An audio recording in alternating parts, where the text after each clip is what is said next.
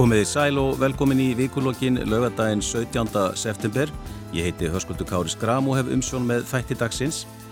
Nú pólitíkin er aftur farin af stað, alþingi var sett á þriðjudag og vikunni kynnti fjármálar á þeirra fjárlög næsta árs. Þau var reyndar fallið víða í grítanjarveg meðal annars hjá fórustu verkalýsfélaga. Úgrænumenn blésu til sókna gegn rússum og hafa nátt tilbaka stórum landsvæðum í austurhluta landsins. Þar hafa fundist fjöldagrafir og kannski fátt sem bendir til þess að þessu stríði fara að ljúka. En hingað eru komin þau Fridrik Jónsson, formar BHM, Laura Ómarsdóttir, samskiptastjóri og fyrverandi frettakona og Ragnar Þór Ingólfsson, formar Vaffer. Verið velkomin. Takk. Takk. Ég ætla að byrja þér Ragnar, þú greindi frá því í vikunni að þú ætlar að bjóða þig fram til fórsetta ASI í næsta mánuði. Þú talar um að það þurfa að gera breytingar á sambandinu, hvað áttu við? Það þarf, uh, já, ef við horfum kannski bara svona þessa grundvalla breytingu að þá uh, hefur alltíðu sambandi átt að vera svona þetta saminningar afl aðaldafélagana og sömulegist líka vera þetta, þessi öfli mál, málsari reyfingarnir í heilsinni eða allavega á almennumarkaði gagvart okkar viðsefmyndum og stjórnvöldum uh, og uh, þar breytingar sem þar kannski að gera í grunninn er að ebla uh, alþjóðsambandi sem þrýstiafl. Við erum í stöður í vörn, við erum að veita umsagnir við frumvörp sem aðrir er að skrifa, fáum mjög takmarkað áherð. Við þurfum að styrkja þetta umbóð, sterka umbóð sem við getum haft í gegnum alþjóðsambandi sem hefur verið á tíðum óljóst eins og í tíð gilfa að, að, að, að það var alveg ljóst að fólkið var ekki með og síðan kemur ný fórust að fólkið er með en þá er, er ágræningur og mikla deilur og átök innan sambandsins innan uh, þá fórustu aðelda félagana sjálfura og uh, markmiði með mínu, mínu frambóð er, er augljóslega að reyna saman þessa krafta og beinaði mér rétt átt. Uh, ég get ekki dæmi að, að ef við tökum lífskjara samlingi síðasta og, og þann lofar að lista sem að uh, stjórnvöld skrifið undir að, að, að ganga í uh, samanborið við emdir á, á þeim máli sem að við lögum fram og sömulegist líka sem okkar við sem endur lögðu áherslu á að þá er sá samanbörður ekki sérstaklega hérna góður fyrir alltíðu og sömulegist líka að hafa hagsmunna samtök eins og viðskiptar áð og fleiri stert sig á því að hafa uh, náð um 80-90% af öllu sínu stefnumálum í gegnum lögjafan frá hrunni og aftur ef við berum það sama við alltíðursambandi þá er sá samanbörður langt frá því að vera uh, ásættanlegur. Það hafa náttúrulega verið gríðarlega mikil átöku innan ASI og, og svona nokkra, allavega tvær svona stóra stríðandi fylkingar, þú hefur tilirt annari þeirra Drífa Snædal, fráfærandi formaður, hún sagði að vinnustæðamenningin væri nánast óbærileg þarna. Er þú réttið með aðurinn til þess að breyta þessu andrúslofti innan aðeins í? Ef ég hef ekki trú á verkefninu þá væri ekki að gefa kosta mér í það, það er að lítur að gefa auðvaleið en uh, þegar ég kem inn í Vaffer og býð fram sem formaður þá var það frambóð mitt uh, það var vantrust á núverandi fórustu alþjóðsambansins og uh, ég fór ekkert lend með það og ég náði bara mjög góður kostningu það var engið sem kaus með eina stjórnarinnar. Ég tók enga með mér í þessa vegferð inn í stjórn Vaffer. Uh, og það hafa verið átök þar inni og hérna, já, runni alveg frábæra hrunni, þá er þessi 50 formaðurinn sem uh, stýri félaginu, en okkur hefur tekist að samina svolítið kraftana, vinna með niðurstöðuna sem varði í minnikostningu 2017 og okkur hefur bara einfallega tekist að, að, að þetta hefur tekið tíma og, og, þetta gerist ekki að sjálfu sér, þarf, fólk þarf að vilja hérna saman þessa krafta. Og okkur er bara tekist að, að gera vaffer að bara einu langa upplöðast að stéttafélagi landsins þar sem að allir tala eh, sterkri og góðru röttu allar hugmyndir fá, eh, fá brautagengi og njóta sannmælis. Og við vinnum bara mjög saman sem sterk heilt En Freyrík, það hefði ekki bara verið átökunan ASI, það hefði líka verið skeitasendingar á, á milli annars vegar þessa verkefælisfélaga sem eru á almenna vinnumarkaði og svo þeirra sem eru í, á vinnum ofnbæra markaði og líka náttúrulega milli þeirra millir stjætta innast þessa félaga, millir þessar félaga e, er verkefælisfélagin er, er algjörlega sundruð, er hún algjörlega sundruð að fara inn í kjaravera núni í haust? Ég veit það nú ekki það eru verkefælisreifingin er full af uh, ástríðu fullu fólki og það er stundum erfitt að finna ástríðinni kannski hérna stundum erfitt að finna henni uppbyggilegan farveg. Og það er þá sérstaklega verkefni okkar sem veljum til fóristu er kannski að reyna að einbytja okkur svolítið að því. Uh, ég veit ekki það sem áttu um skeitasendingar ég, ég vil reynda að forðast þær uh, skeitasendingar en ég vorði fyrir þeir nokkrum. Ég er, veit að ég hef nú fengið á mig greinar til dæmis frá uh, félagum minna alltíðu sambansins það, það sem ég hef verið titlaði sérstaklega óvinnur lálennar fólks og, og svona mér finnst svona málflutningur ekkert sérlega hjálpluður verðin þess að í lókdags þá er það nú þannig að þú veist það er miklu meira sem saminar okkur heldur en sundrænar verkefælisreiningar og ég vona bara og það skiptir máli fyrir okkur í BHM og öðrum heildarsandungum verkefælisum að alltíðu sambandi finni taktin eins og kalla finni svona innri samstöðuna hjá sér aftur verðin þess að, að þetta alltíðu sambandi er stærstu, stærstu heildarsandung á vinnumarkaði og þegar að þar er svona stemming eins og við verið undanferði þá það er bara að gera reyngum gott hvorki, sko, skiptir reyngum máli hvar þú ert að vinnumarkaði og hvort þú ert e, í hérna, hvort þú ert háskólamendar eða ekki háskóla, skiptir reyngum máli það bara skiptir verulegu máli að, að þessi stæstu og öflugustu heldarsamtug e, séu skilvirk og, og hérna og, og séu með þokkala goða samstöðu. Það er bara já, ég óskaði um allsins besta í því Þið hefur náttúrulega verið gaggrind fyrir það að, já, til að mynda varandi síðustu samninga að annars vegar voru það krónutölu hækkanir og svo fóru þið í prósundu útreikninga á ykkar félagsmönnum. Eh, það verðist ekki verið einn samstæð, samstæðum þetta og verður nokkuð samstæðum þetta núna í komandi viðræðum? Já, ég sá nú kröfugerðina frá Vaffer og, og hérna og þegar ég tólka launalíðskröfunir á þeim að þá sé ég nú ekki annað heldur en að það sé nú óskup einfallega nákvæmlega þetta, lámars krónutölu hækkanir og síðan nokkurnu einn prósundu hækkanir upp skalan. Eh, þó þess að ég ekki orða nákvæmlega með þeim hætti þá er það það sem að setningarnar þýða. Og uh, svo er það nú þannig, ég get nú rétt ímynda mér að það myndi nú heyrast eitthvað í allsvíðsambandin ef ég settist niður og, og sendi við gagnaðalina bæða ofinbjörnum almennu markaði og sneri mig síðan við og, og, og potaði beint í andlitað og að já, núna þurfum þið bara að sætt ykkur þetta. Auðvitað var það þannig með lífskjærasamningana að, að hérna, uh, það sem að var samið þarum, BHM var, var ekki til borði þegar þetta var samið Þannig að þegar að koma framkvæmdina þá að sjálfsögðu er, er, hérna, er reyndað aðlega það þannig að það beinlinni samningarnir stríði ekki beint gegn hagsmunum þeirra sem er inn á bandalagsins. Og það var gert. Hluta því var inn í launatöflunum að, að, að yfirfæra krónutölu hækkanir að ekkur leiti yfir í, í prósendu hækkanir. Þannig að það er ekki beinlinni sniðustæðan að, að BHM félagar Eh, bæru skarðan hluta á borði og sendu um hérna kaupmataríknun og svo er svolítið sérkynlegt að fá þessa gaggrinni, hún er nú meðalans komið frá forman eblingar, þegar þau beittu bara nákvæmlega sumu aðfræðfræði í sínu launatöflum hjá hann og ofnbæra þannig að, herri, guð, skulum bara höldum okkur staðrindir og höfum skilning á því að það eru, það er ástæði fyrir því að það eru þrjú heldarsamtök það eru ekki eins og sé, þó kannski 80-90% við getum verið í samstöðu og samlega, þá þurfum við að leifa svona fjölbreytninni að njóta sín líka. Einmitt og svo voru fjárlögin kynnt í vikunni og ímislegt sem kemur fram þar. Lára, hefur þú eitthvað skoðað fjárlögin og hvernig þetta lítur út? Já, uh, ég hef nú aðeins kynnt mér þau og, og hlustaði nú á fjármálar á þeirra að kynna þetta og svona og, og þetta er uh, svo sem, já, þú veist að ríkisjóðir er hafur hans fyrir nú botnandi og, og það er svona eitt og annað gott að ná jákvægt en svo er annað svona sem ég nýtum uh, ég náttúrulega hugsa alltaf svo mikið um neytendur það er svona neytendavæn manneskja. Og jújú, jú, vissulega kannski er það rétt að leiðin til þess að auka tekjur ríkisjós að, að setja hækka neyslu skatta en það er það sem þetta frumvarp er að gera það mun koma við verst við þá sem minnst eiga, það er bara þannig. Uh, þá sem uh, hafa lægsta tekjur í þjófélaginu, öryrkja uh, aldraða félags, fólk á félagsbótum fólk á leikumarkaði, barnafjölskyldur ungt fólk, það er bara staðreind við erum eftir aðeins að sjá hann er búin að bóða það breytingar á, á húsnæðisbótakerfinu, þú veist, á að hækka eitthvað aðeins bætur til öryrkja uh, það á að breyta lögum um fyrstu kaup íbúða, kannski lagar það eitthvað á móti, af því að það vantar svolítið kannski í frumvarpið svona uh, þessar mótvæðisaðgerir sem að þau bóða fyrir vestsettu hópana. Og það er náttúrulega, ég veit ekki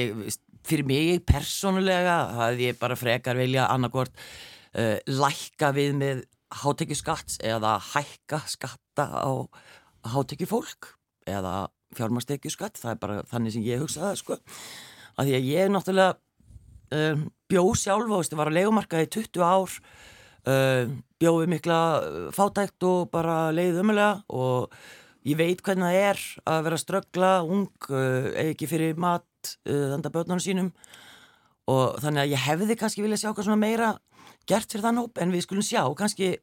að koma þau með eitthvað uh, tromp upp í erminni sem við erum ekki búin að alveg sjá útfarslun á. Það, það, það, það hefur verið talað um þessi breyðu bög og þau séu ekki að taka á sín einar verulegar uh, já, hækkanir, þetta sé með að minna að lenda á almenningi sem eins og þú bendir á er,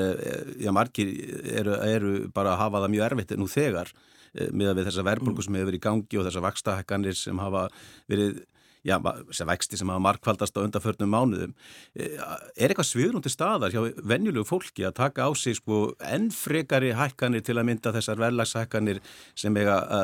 að fara inn í skattana á, á nýsluförur? Sko, kaupmáttuleguna hefur náttúrulega aukist og náttúrulega og í krónu tölum þá mest hjá þeim sem mestar tekjur hafa. Og það, það er alltaf svo hættilegt að vera að tala alltaf um þessar prósundur finnst mér að því að þó að kaupmáttur hafi aukist hjá einhverjum sem er með 300 skalla mánuði í laun eða 400.000 þá er það bara einhverju örfáð þúsukallar þannig að öll eh, hækkun á vöruverði eldsneiti og annars líkt uh, snertir þann hóp alltaf vest og það er bara staðrind að vita það allir. Uh, en hérna þannig að já, ég held að það sé ekki svir hún alltaf fyrir lægst lægstu tekjuhópana til þess að fá neina hækkuninn fólk og leikumarkaði sem eru ríflega 22-3% uh, fólks uh, það hefur það miklu miklu verð heldur en þeir sem eiga íbúðir, ég meina eignamyndun þeirra sem eiga íbúðir hefur aukist að meðal tala um 9% uh, séregnið þeirra íbúðinni bara út af fastegnaverðinu á meðan uh, hækkar leigan alltaf hjá þeim sem er að leia þannig að uh, það er voðalítið svirum þar held ég. Og ég hefði kannski vilja sjá eitthvað gert þar, kannski gera þau það. Uh, taka eitthvað eins á þeim vanda sem er á þessum leikumarkaði hann er gríðalegur eitt skref í þá átti er að leifa uh, fólki að nota sérignarspartna til þess að kaupa íbúð eftir að hafa ekki átt íbúð kannski fimm ár. Já, ekki uh, bara fyrstu kaupundur Já, ekki bara fyrstu kaupundur, ég menna þegar ég, ég keipti íbúð fyrir tveimur árum uh, þá hefði ég ekki átt íbúð í 20 pluss ár og þá var ekkert svolítið ákvæðið til staðar, það hefði hjálpað mér til dæmis skriðarlega á þeim tíma sko. Já. þannig að ég, og fullt af fólki sem misti eignina sín eftir hrun við sáum sko fjölda á legumarka fara úr ríflega 10% upp í næstu 30% eftir hrun allt það fólk uh, átti ykkur tíma nýbúð og hefur ekki getað nýtt sér þetta úrræði þannig að þarna finn, hefur mér alltaf fundist svona svo til óhjöfnaður það er að segja milli fólks á legumarkaði annars vegar og svo fólk sem á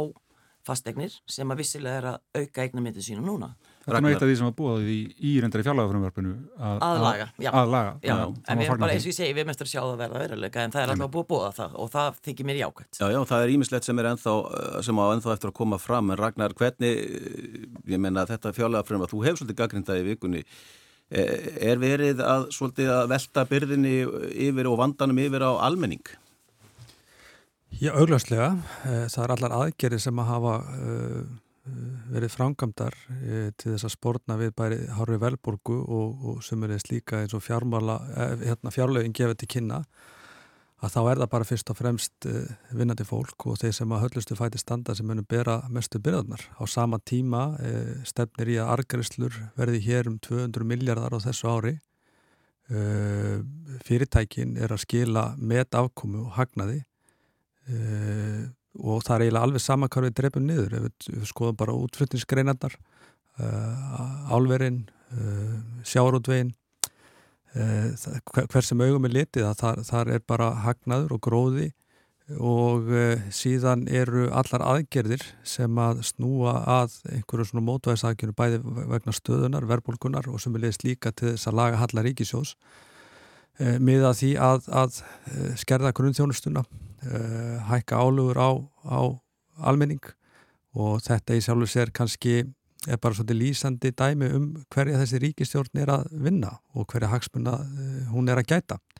Talandum húsnæðismarkaðin að hér höfum við verið með tvo starfsópa um húsnæðismál sem átt að skila tillögum. Ég var nú í fyrri starfsópnum, svo kemur nýr starfsópnur einhverju hluta vegna og ég skildi nú eiginlega aldrei út á hverju og honum er einhver megin ætlað að, að fjalla um og, og gera nánast sömu hlutina og svo fyrri eh, hérna, gerði og við skilum fjöldatillagna sem að bara er einfallega ekkert hlustað á og ekkert gert. Við sjáum núna til dæmis leigufélög eins og Alma sem hefur verið að hækka leigu umfram vísitölu um 10.000 að hefur lístið við því að og, og hvað er ríkistórnum til þess að auka enn frekar á, á stuðning til þeirra sem eru á leigumarkaði og af hverju allir það sé? Jú, til þess að geta kert upp leigu enn frekar vegna þess að fólk er lengur komið á þólmörkum og Lára kom hérna inn á kaupmáttin og það er rosalega bjægi í öllum tölum sem við erum að fá í dag vegna þess að það er lengur ljóst að sá ávinningur, miklu ávinningur sem, ávinningur sem við fengum þó með lífskjara samningnum, bæði læri vakstastig og, og sömulegist líka töluverðar launahækkanir og hagavastarauki og svo framvis að þetta er allt lengur farið. Og það, það, að, það, það eru hluti sem við þurfum að tala um. Ég var að fá hérna, yfirlitt frá félagsmann okkar frá hérna, tryggingunum. Eh, þar hafa tryggingar hækkað um rúmlega 70.000 krónur frá 2019 við sjáum bensinverðið við sjáum uh, verðlægið verð á nöðsynavörum hefur náttúrulega rókið upp. Vakstastíð afborgun er á, á lánum þeir sem að náðu þó að festa vexti þeir tóku líka á sig byrðar vegna þess að þú festi vexti eða festir vexti í byrjun ás þá þurftur að taka á þig 1,2 til 1,5% herri e, vexti. Alveg sama með leigufélögin sem eru að, að tilkynna fólki um, við vorum með hérna 70 ára gamla konu sem var að leia hjá Ölmu leigufélagi. Hún var að borga 190 krónur í leigu og, og svo leiga er vísitölutrið. Henni bóði nýr samningur upp á 230 krónur í mæ og hann er tengdu við vísitölu í februar. Þannig að, þessi 230 skall var miklu herri hún, og þetta var 12 mánuða samningur. Hún baðum uh, fimm ára samning. Og þá er henni bóðin fimm ára samningar á 250.000 og þessi peningar er ekki til. Þannig að þessi ávinningur hann er löngufókin löngufókin þannig að uh, verkefnið okkar inn í kjærasamningana er náttúrulega alveg gríðalegt og áður en að kemur til uh, einhverja frekara aðgera til þess að styðja við fólk til dæmis á leikumarkaði þá þarf náttúrulega fyrst að setja einhvers konar þak til þess að koma í veg fyrir svona ofbeldi sem hefur fengið að þrýfast á leikumarkaði það sem að Eh, leigusfélugum eða leigusalanum er nána skefið bara frjálst vald um hvað hann getur pínt eh, sína leyendur nánast alveg út í þóandalega. En, en sko ef að ég eða þú verðum að leiða út okkar íbúðir og, og byggjum kannski bara sjálfur og verðum sjálfur á leigumarka þá er ljóst að við myndum þurfum að hækka leiguna eh, ef að öll annu gjöldir og hækka vextir Þetta er algjörlega raung hugsun fyrir ekki, ég ætla bara já, já. að stíga sko, hérna inn í sko. Þegar þú átt fasteign skilir og ert að leia hana út. Langt flesti sem eru að leia út fasteignir eru að leia leiðar út á verði sem að hérna, tryggir þeim alla greiðslur af fasteigninni pluss uh, einhvers konar ágóða í viðbót, kannski 20%, 30% ála en taka aldrei til til þess að þeir eru að eignast meira og meira íbúðin í hvert sinn þannig að verðið sem að þeir eru að bjóða íbúðinar á núna er tekur ekki tillit til eignamyndunar og þar með er það ósangjart, það er þannig í mínum huga. Og hérna sem dæmi um það annað í þessu er sko, ég er núna að kaupa fastegn ha, uh, fyrir tveimur árum var ég að leia fastegn ég er samt sem áður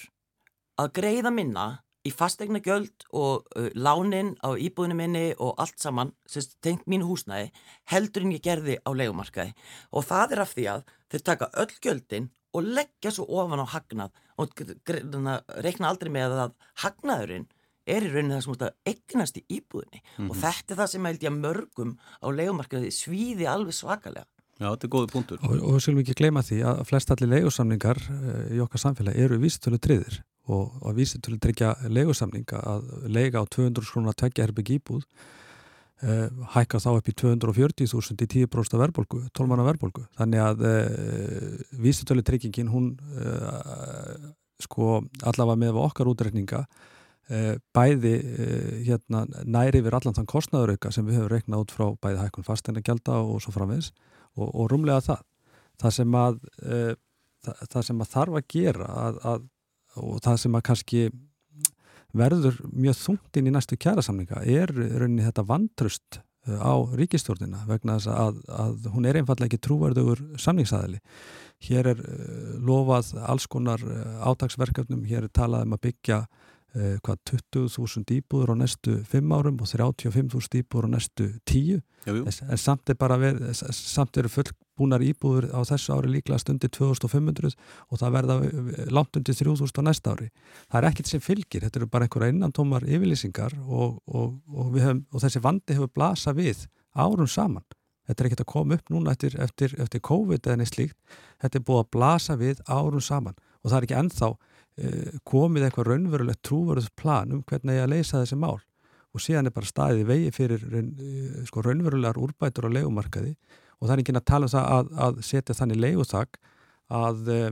að legusali get ekki hækkað verðan fyrir kostnaður auka. Í Skandinavi og flestu siðmönduðu þjóðu sem við byrjum okkur saman við að þá hafa legusalar leifi til að hækka legu hafið þetta til þess góða gild rauk og geta sínt þá vantilega fram á raunverulega kostnaðarauka. En það átt að vísa til landa sem eru með stöður í gjaldmiðla,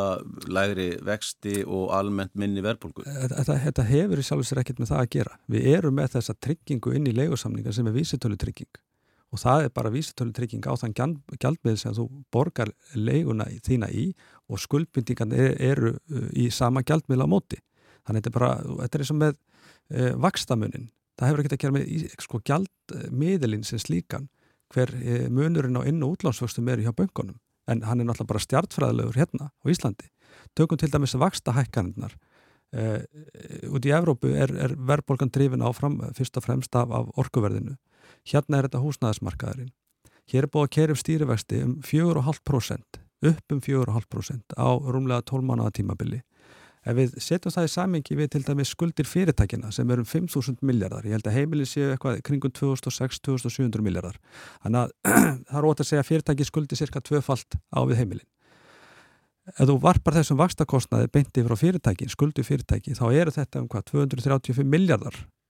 sem að er að koma í aukin kostna fyrirtæki vegna herri og, og, og mikill að vakstahækana. Og hver skilar þetta sér? Hvar, hvert sækja eh, fyrirtækin eh, hvað sé að eh, fjármækt til að standa undir þessum auknum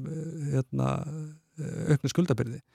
Gera það með að varpa því beint út í ver verðlæð og þetta erum við búin að skoða mjög umgeflega það er ekki deri slegið af neinstadar í okkar samfélagi. Þessu er öllu varpað út í verðlæð sem þrýstir aftur upp verðbólgu og við stöndum eftir með bæði selabanka og stjórnvöld sem eru algjörlega búin að missa stjórn og tökunum sem, sem fer út í verlaði segir þú og, og, og nú eru kjærasamlingar að hefjast á næstu mánuðum. Eh, Fridrik, ef að þið ætlið að fara eitthvað að já, bregðast við þessar, þessum aðstæðum, því það ekki einfallega þetta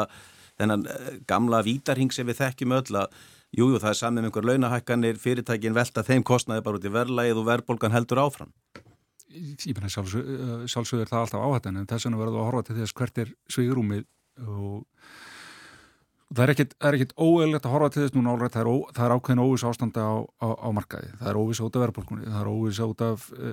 stríði í Evrópu, það er óvis út af aðfanga vandraðum í kjölfar COVID og svo framvegis. Þannig að hérna, jújú, jú, þá skulum við öll uh, sína ákveðina skinnsemi, við verðum líka að horfa til þess að það er, það er fullt af sviðrúmi til staðar. Það er mjög mísand eftir atvinningreinum, uh, en það að sé ekkert sviðrúm er einfallega ekki rétt. Við hljótum að horfa til þess í, í fyrstu umferð að minnstokkustu viljum við taka á því að, að tempera eða komið í vekk fyrir það sem ég kalla þennan kaupmáttabruna og sérstaklega þennan tvöfaldar kaupmáttabruna sem við horfum á í veskinu beilinis í því að, að krónundar sem fáum við launaumslæginu eru minna virði frá mánuði til mánuðar og svo þetta sem kemur sem afleðing af, af, hérna, af vakstaðhekkunum. Þetta, þetta, þetta er það sem er að býta okkur langmest í augnablíkinu og þarna eigum við í alveg sama í hvaða hildarsamtökum eða verkefliðsfyrir, þannig að eigum við bara samleið. Og þá vil ég kannski taka undir þetta þegar við horfum á fjárlögin að þau virka óskup metnaðalös og það er svolítið trist að sjá að lausnin á, á, hérna, á hefbundnum fjárasvanda er það að fara alltaf ofan í sömu, sömu vasana. Skiluru, hérna, auðmyggja fólkið sem finnst gott að fá sér bjór með matnum skiluru Var, eða, eða rauðin eða kvittin skiluru komin almatur eða þú vil fá þig koktel með einhverju yfir, yfir 25% skiluru að þá, já þarna má alltaf sækja auka penning og þetta er raun og samt líka svolítið sniðut að því að þú mögulegt á að íta, íta það þannig að, að já, millitekjur og efri millitekjur versus uh, þau sem er á lagstu laununum fari einhvern veginn að bítast um það hvort þeirra eigi að uh, bera skarðari hlut á borðið þessum meðan við ættum í raun og veru að saminast einmitt í því að það eru hérna mun breyðari bög í samfélaginu sem eru einhvern veginn alltaf stikkfrí. Ég, ég held að ég sé búin að heyra okkur öll tala um það, ég, ég eða Ragnar eða, eða, eða Vili Birgis eða, eða Sonja hjá BSRB eða hvað sem við höfum öll talað um fyrirgefiði fjármástekjuskatturinn uh, hvað með kvalreika skatta það er alveg ljóst að hér eru fyrirtæki sem eru sko, að skobla inn peningum meðalans að hafa grætt vel á COVID uh, hvað með að horfa til ákveð, aftur til ákveðna auðlega skatta við, við séum allana svona meira skapandi hugsun um hvernig fjármögnum við þetta samfélag sem við erum þó að mestu leiti sammálu um að þurfi ákveðina sammeila fjármögnum. Hvernig leysuðu þetta?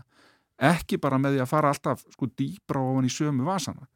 Uh, mér fannst ákveðin galli við í lífskjara samningin einmitt að það var of mikið í honum uh, sem fólst í því að láta ja, millistéttina meðaltekju og efri meðaltekjuhópa í raun og veru nýðu greiða vinnuafl uh, hérna, fyrir atvinnlífið það var okkur skerkja í, í, í millifærsleikjanum, við þurfum að skoða þetta allt svo, svo litið betur. Rétt að þess að taka þátt í þessu sem að þú voru að tala um með húsnæðismarkaðin svona setja fram svona einfald dæmi um, um, um það sem er í gangi e, mena, húsnæðisverðið hefur hér tvöfaldast á, á, á síðustu hvað fjórum, fjórum fimm árum. Og nú skulum við bara setja þetta upp í lit, lítið einfald starfræðinni 50 miljónar eign sem ávar skuld kannski upp á 30 miljónu fyrir fimm árum síðan. Og einfalt starfræði sá sem á 50 milj, 50 miljón krónu eign uh, vildi fá 10% hérna, framleiða því og þurfti þar að, að auka 5 miljónir yfir árið uh, fyrir, í, í legutekjur að þeirri eign. Hún er núna tvöfaldist verður 100 miljónir og við komum að allar halda sömu, sömu áherslu og allar það áfram að auka 10% fyrir það þá allar að fá fyrir sömu núna, 10 miljónir ári en hefur í sjálfsög ekki gert neitt En þessar sem, en pappishækkun. Þessi pappishækkun kallar það, nú þarf ég að tryggja fjármun og þannig líka, veist, þetta er líka samtals við, við stjórnvöld og við atvinnureikundur þetta, það þarf aðeins að kannski að tala mikið um núna í þessu verðbólgu umkörfi og að enn atvinnulífsins, ég meina hver er krafan og þetta, þetta saknaði frá Sælabankastjóra og líka frá stjórnvöldum, hvaða kröfu ætlið að gera á atvinnulífum að það síni ákveði hagnaðarhof. Hér á tekina bankaskattur hver eru viðbröð bankana? Það er að hækka arsemiskröfur skýrast að dæmið að Arjónbanki síðastlið höst ætlar að fara 10% arsemiskröfu upp í 13% og byrju hvaða, hvaða vittlisa er þetta? Og er 13% arsemiskrafa hjá banka á, á svona þokkalugum einungunamarka, er, er það eitthvað sem er í lægið ásættan þetta? Einnig sem 10% var það ekki of mikið uh, hinn í bankan er alltaf, að fylgja á ettir uh, við þurfum að horfa svolítið vel á þetta og þarna ættum við í verkefæðisreifingunum geta staðið svolítið hressilega vel saman í því að, að, tryggja samtali snúist um það hvernig hérna hvernig tryggju aðeins meira jafnbræði því hvaðan tekjum að koma til þess að reyka samfélagi. En við skulum samt ekki gleyma því að, að ég er algjörlega ósaman að því að, að þessari fulluringa að það var hallað eitthvað sérstaklega á, á millitækjuhópana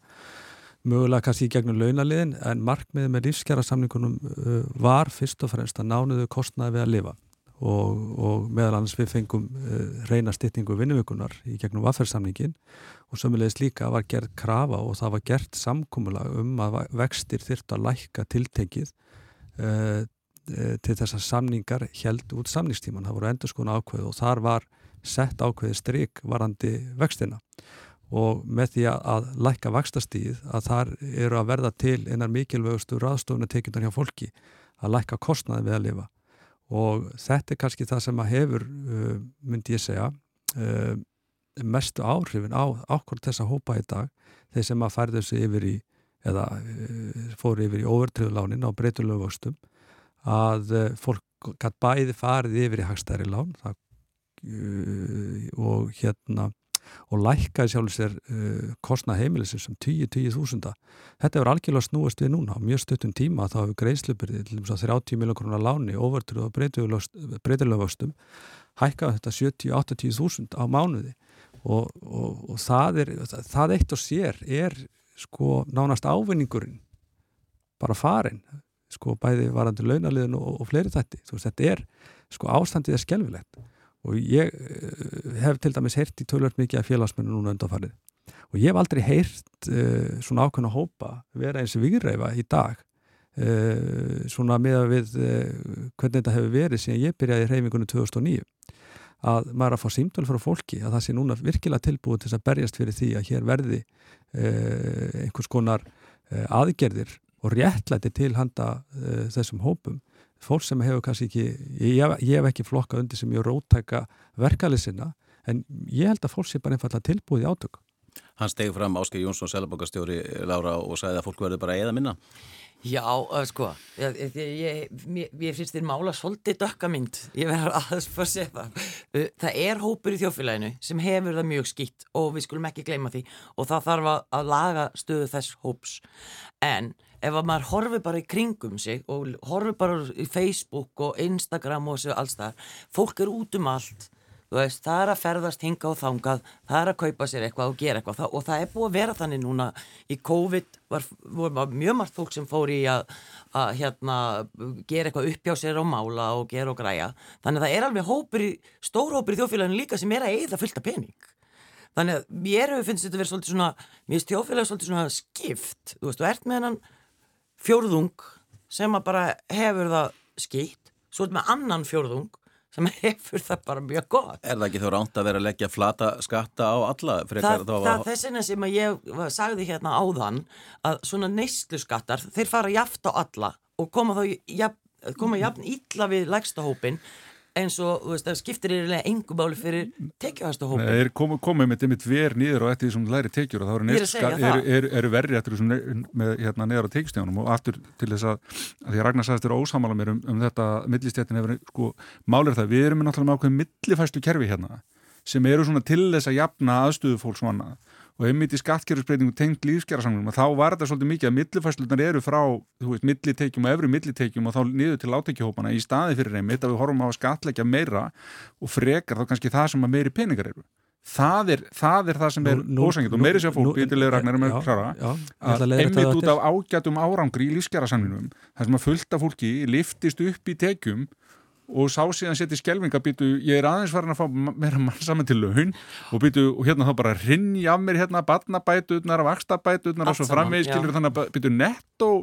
netto ágóðu minn hann hérna býtu, hann, hann er nú bara ekki eins glæsilur og ég held og svo kemur þetta sem við erum að horfa upp á núna í gegnum með mitt verðbólguna og, og, og hérna vakstahekkarinnar að þá er þetta alveg, enn og hattur ég held nefnilega að við ragnar séum bara miklu meira sammála kannski heldur en, hérna, heldur en kannski ímyndin er þá kemur þetta tvöfald í baki okkur. Þarna þurfum við, en nú hættu hér, þar, þar verkefli sem ekki, við þurfum að, að hérna, við þurfum að stilla svolítið vel saman strengi í þessu. Já, ég ætla kannski fyrst að koma inn á uh, hérna uh, þessar mótsagnir sem eru í aðgerðum bæði Sælabankun og stjórnvalda. Þú komst inn á það ásker hafa sagt að fólk ætti ekki að eida svona miklu.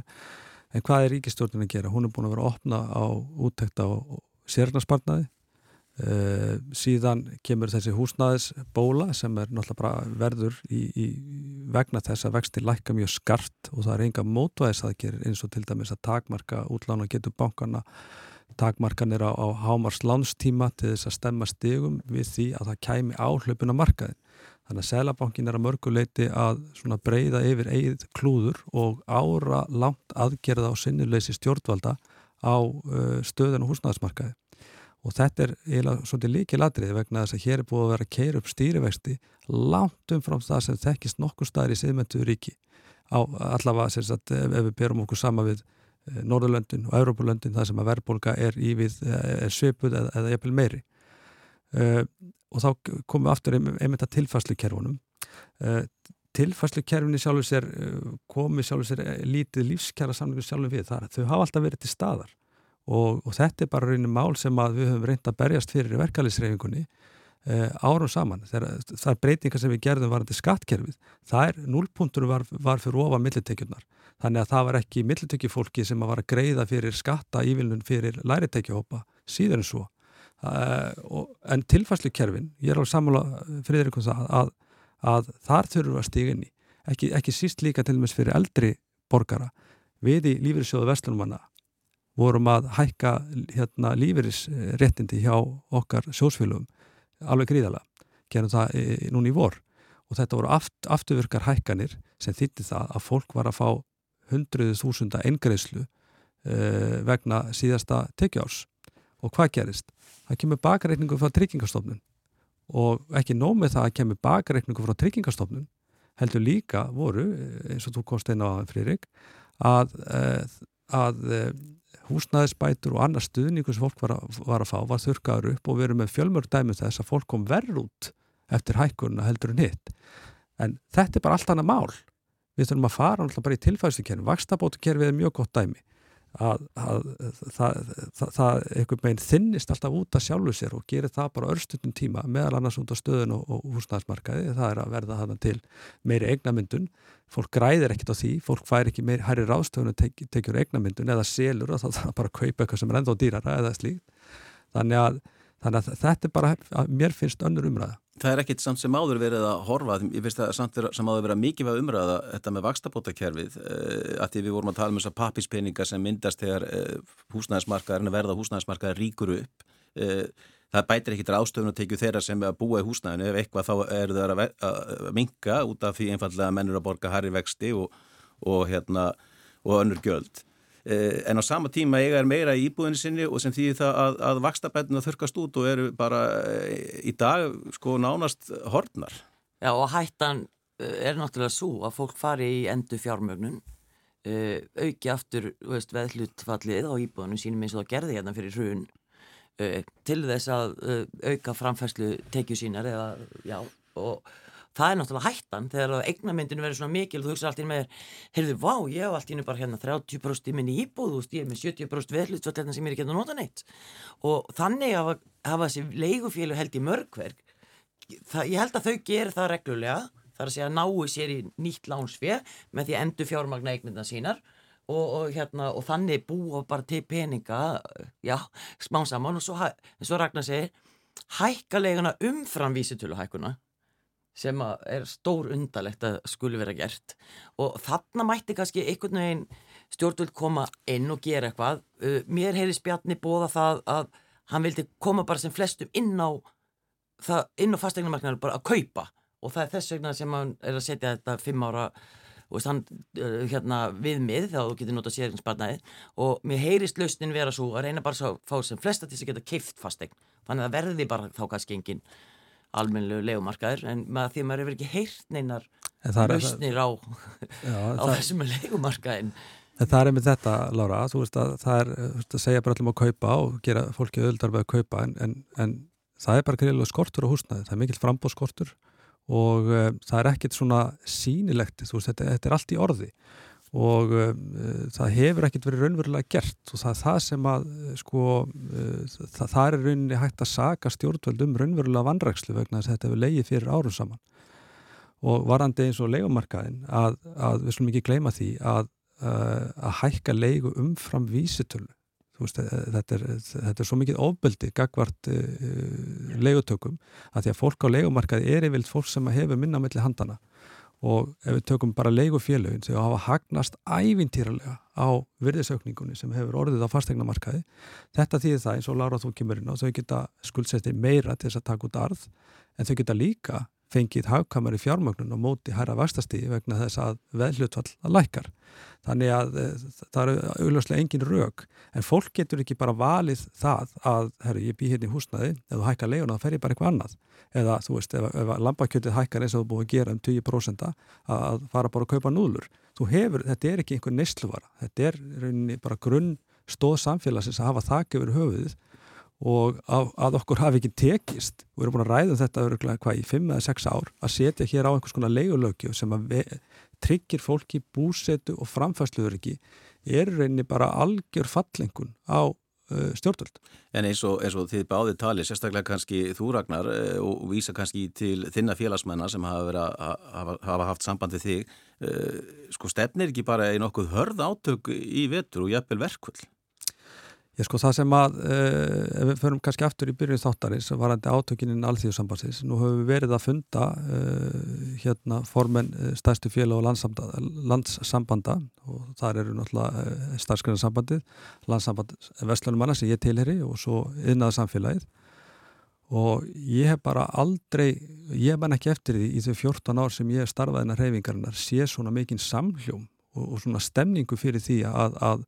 að eh, fara þéttar aðeinar og stíga svolítið kröftulega fram.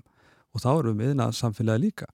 Og og ef að það gerist, ef að þetta verður þróunin og þetta verður veganestið inn í samningana, að þá verður okkur allir vegi færir, ég samfærður um það. En, en svara ekki hvort að þetta verði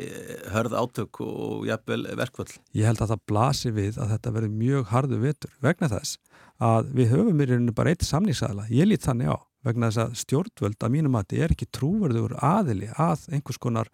e, breyðara samkómulagi við, við vinnumarkaðin að einhverjum lausnum vegna þess að þau hafi ekki staði við neitt sem það hafa gert. Þau geta logið sér til valda á fjara ára fresti með að blekja kjósendur en þeim mun, mun ekki takast að gera það kakart verkalýsreifingunni. Ég ætla ekki að fara með, til, hérna, með eitthvað plagg til minna félagsmanna með sama lofurðalistan og síðast og ætla að hvetja þau til að skrifa undir. Það kemur ekki til greina. Freirik, eh, verður þetta bara eins og verkvalli hérna, hvernig var það? 1984 þegar allt lokaðist hérna í, já, tæpa tvo mánuði maður eitt? Vistu það, ég ætla að lega mér að hérna, vera bjassin eldur en það. Ég, hérna, sko, það er náttúrulega þannig, við, við búum svolítið við það í verkvallisenguna, við höfum svona, eitt megin tól sem er átaka á verkvallstólið. Það er vand með farið, en það er það alltaf.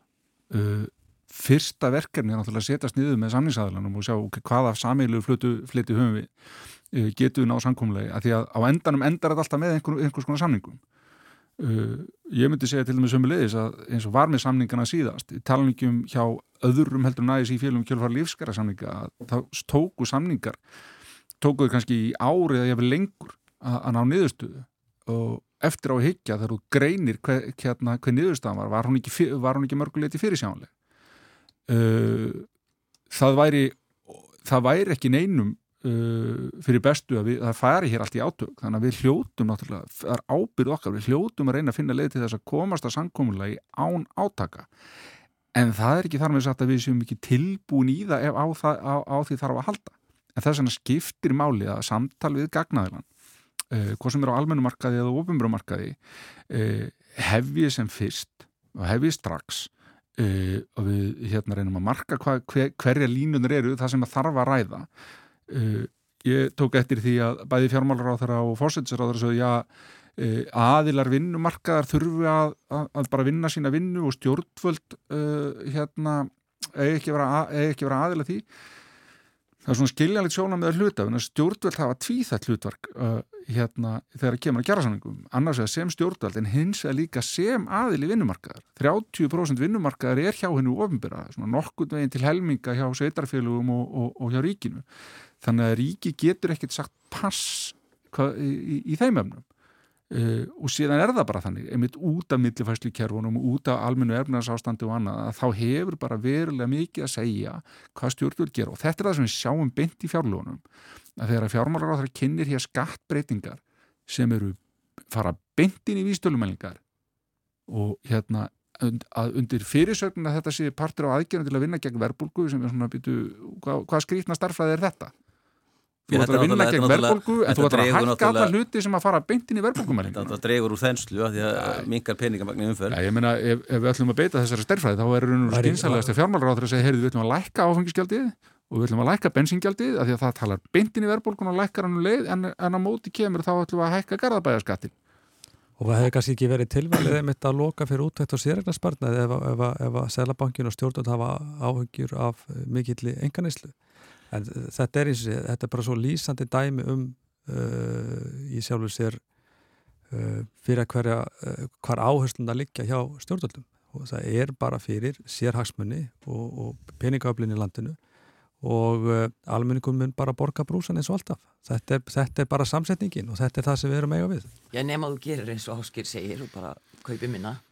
af því allt er ósett dýrt. Þú getur ekki keift þess mikið. Mér langar að skipta um umræðefni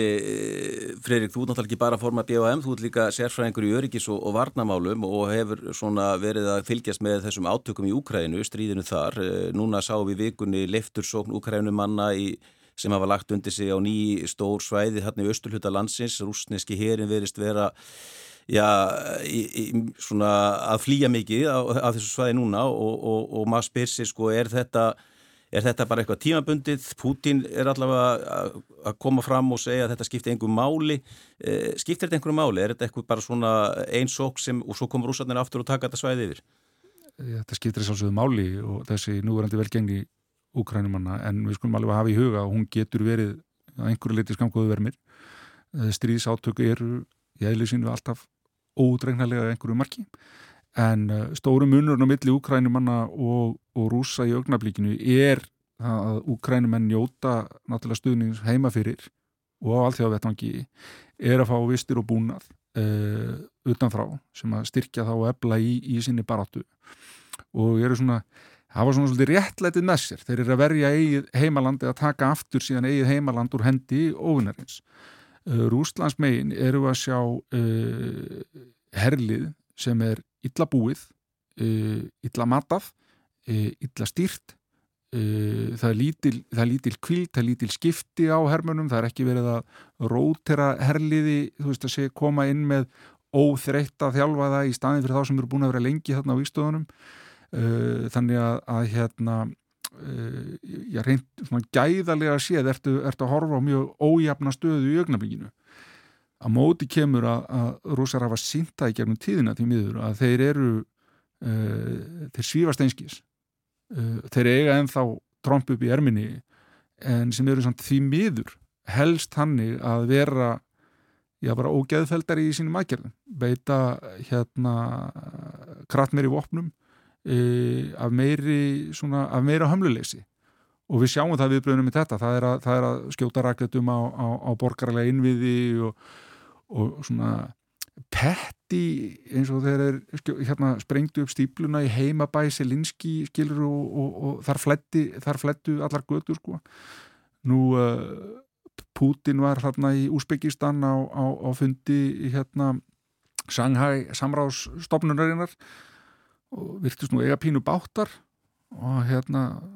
allir komnir í þessa taktík að beita á hann sömu taktík og hann beitti gætna að láta hann býða eftir sér á öllum fundum það voru augljóst að Kína fórseti var nú ekkert að gera hann neina greiða þarna. Uh, jú, við stöndum saman nema Kína allir ekki að láta þau að fá penning eða vopn eða neina aðstofin einu öðru liti sko. þannig að það blæst nú ekki byrlega fyrir Putin kallinum í augnarvíkinu en enn og aftur, þetta er ekkert búið. Uh, og því miður á þetta eftir að vara lengi enn. Og hérna nema hvað, allt í henni sjáum með ljósið hérna hinnum en ég á bara ekki vonaði En er, eru enga líkur á því að, að því að, veist, ef að rúsum gengur svona illa og, og þeir eru ekki fá þennan stuðning frá þessum ríkjum Kína og Indlandi sem þeir kannski vonust eftir er þá engin vonum að, að þessu kannski tilbúnari til þess að já, fara að ræða eitthvað svona fríðarsamning við úkrænumenn eða er, er það úkrænumenn sem ætla bara að halda þessu streitu þangar til að allir rúsar eru farnir? Já, úkrænumenn hafa sagt að þeir ætla að halda þessu til streitu það til að þeir séu búin að íta öllum rúsum út af öllum landsvæðum. Þar með talið að grímska hvort að það verið endarlega nýðust að verðu, verðu við bara að sjá hvernig, hvernig það verður og hvernig það gengur. Eh, en eh, afneitunin er erfiður húsbóndi og hérna og þetta er kannski það sem hefur verið deltum hér á Vesturlöndum að hverjir er í afnittum eru það úkrænumenn sem voru í afnittun eða eru það rússar sem er í afnittun í augnablinni verðist að vera helst hann eða það eru rússarnir sem er í afnittun um það hvernig, hvernig staðan er. Það sem að uh, setur á mér svolítið auk er viðbröðin rúslandsmegin þar er uh, uh, hvað við segja megin hluti þjóðar en einhvern veginn lætur sig þetta stríðir léttur úmilikja Uh, bara er alveg sama, svo lengi sem þau komast á síðan og setur úsnarska Netflix og, og hérna, þetta er ekki að trubla þau ómikið e, þá er þeim alveg sama e, þeir sem hafa hæst e, innan Rúslands, það eru miklu meira öfgöðublin sem styði aðgerðnar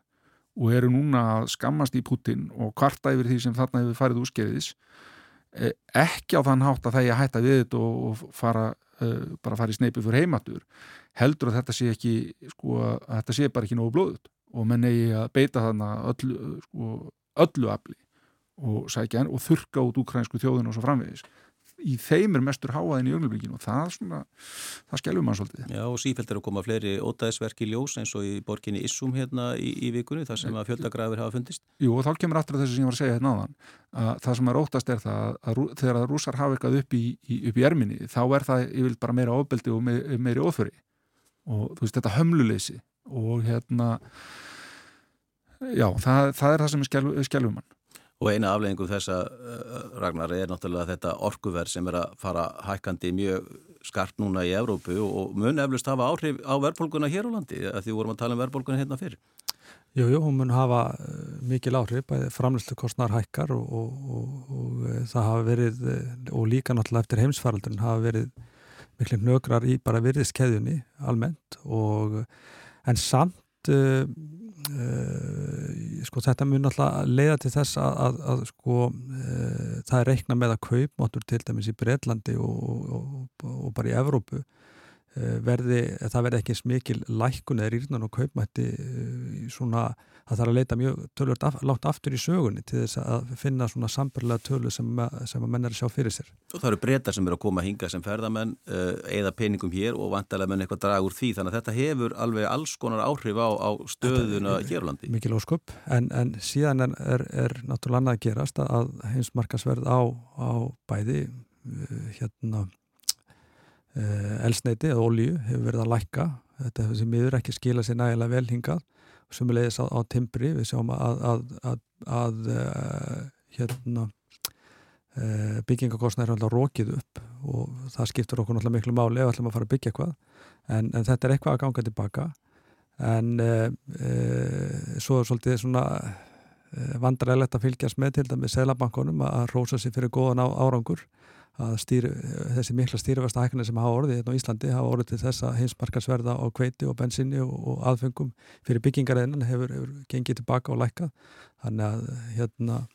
en það er auðvitað aðrar ástæður fyrir því vegna þess að verðbolga hér á Íslandi læ, mælist e, næstlægst, það er þá bara sviss ef, ef samrænt vísitala er mælt í milla Európa-landana að þá eru næstlægst hérna í, á Íslandi, sviss er, er, er, er lærri ef að húsnæðisliðurinn eða húsnæðisverðið er tekið út úr þeirri mælingu. Þannig að e, það, það er alveg ljóst og, og ætti að vera öllu ljóst að þessar aðgerið Sælabankans e, það, það var skotið langt þar yfir og ég vona bara svo sannlega að Sælabankin e, hugsi sér vel um þegar hann fer í, næstu stýrifasta ákvörðun að, að rekarun ekki fólkið og, og, og almenning hérna fram að bjargbrúninni bara til þess að, að hanga í einhverju stefnu sem er löngu orðin þróta. Þá er það náttúrulega stjórnvalda að breyta lögum um selabankan. Í dag eru þeir bara að starfa eftir þeim lögum sem þeim ber að starfa eftir. Það er bara löngu orðið ljóst að þessar aðgeri selabankan, það, standast enga skoðun uh, og, uh, og það er, hefur bara verið mjög erfitt fyrir selabankan að raukst þessar, þessar rosalegu aðgeri sem hann hefur farið í og hvert þetta, hvaða afleðingar og hvaða skada þessar aðgerri munu, munu síðan valda á heimilum landsins er ekki gott að segja um ákvörða þessu stígi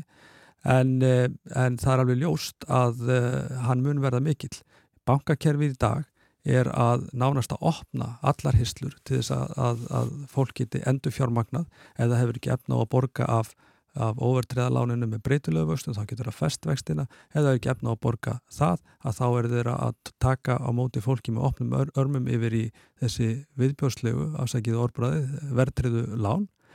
Uh, út af hækkun á fastegna markaði þá er skuldsetninga aukast vegna þess að veðri meira myndast hjá fólki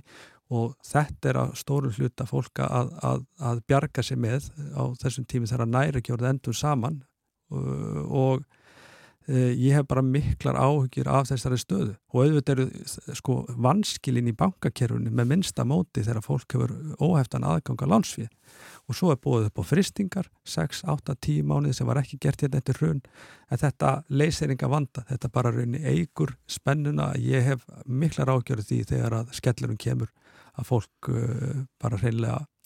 já, að, það, að við förum að sjá ástand hér eins og við sáum hér í eftirmálur hrunsins Já, þetta er að vera svo slemt. Eh, það er margt sem talar inn í það ástand og, og það eru mörgmerkið þess en uh, mér finnst einhver megin eins og Sælabankinu stjórnir sér algjörlega sovandi fyrir þessu.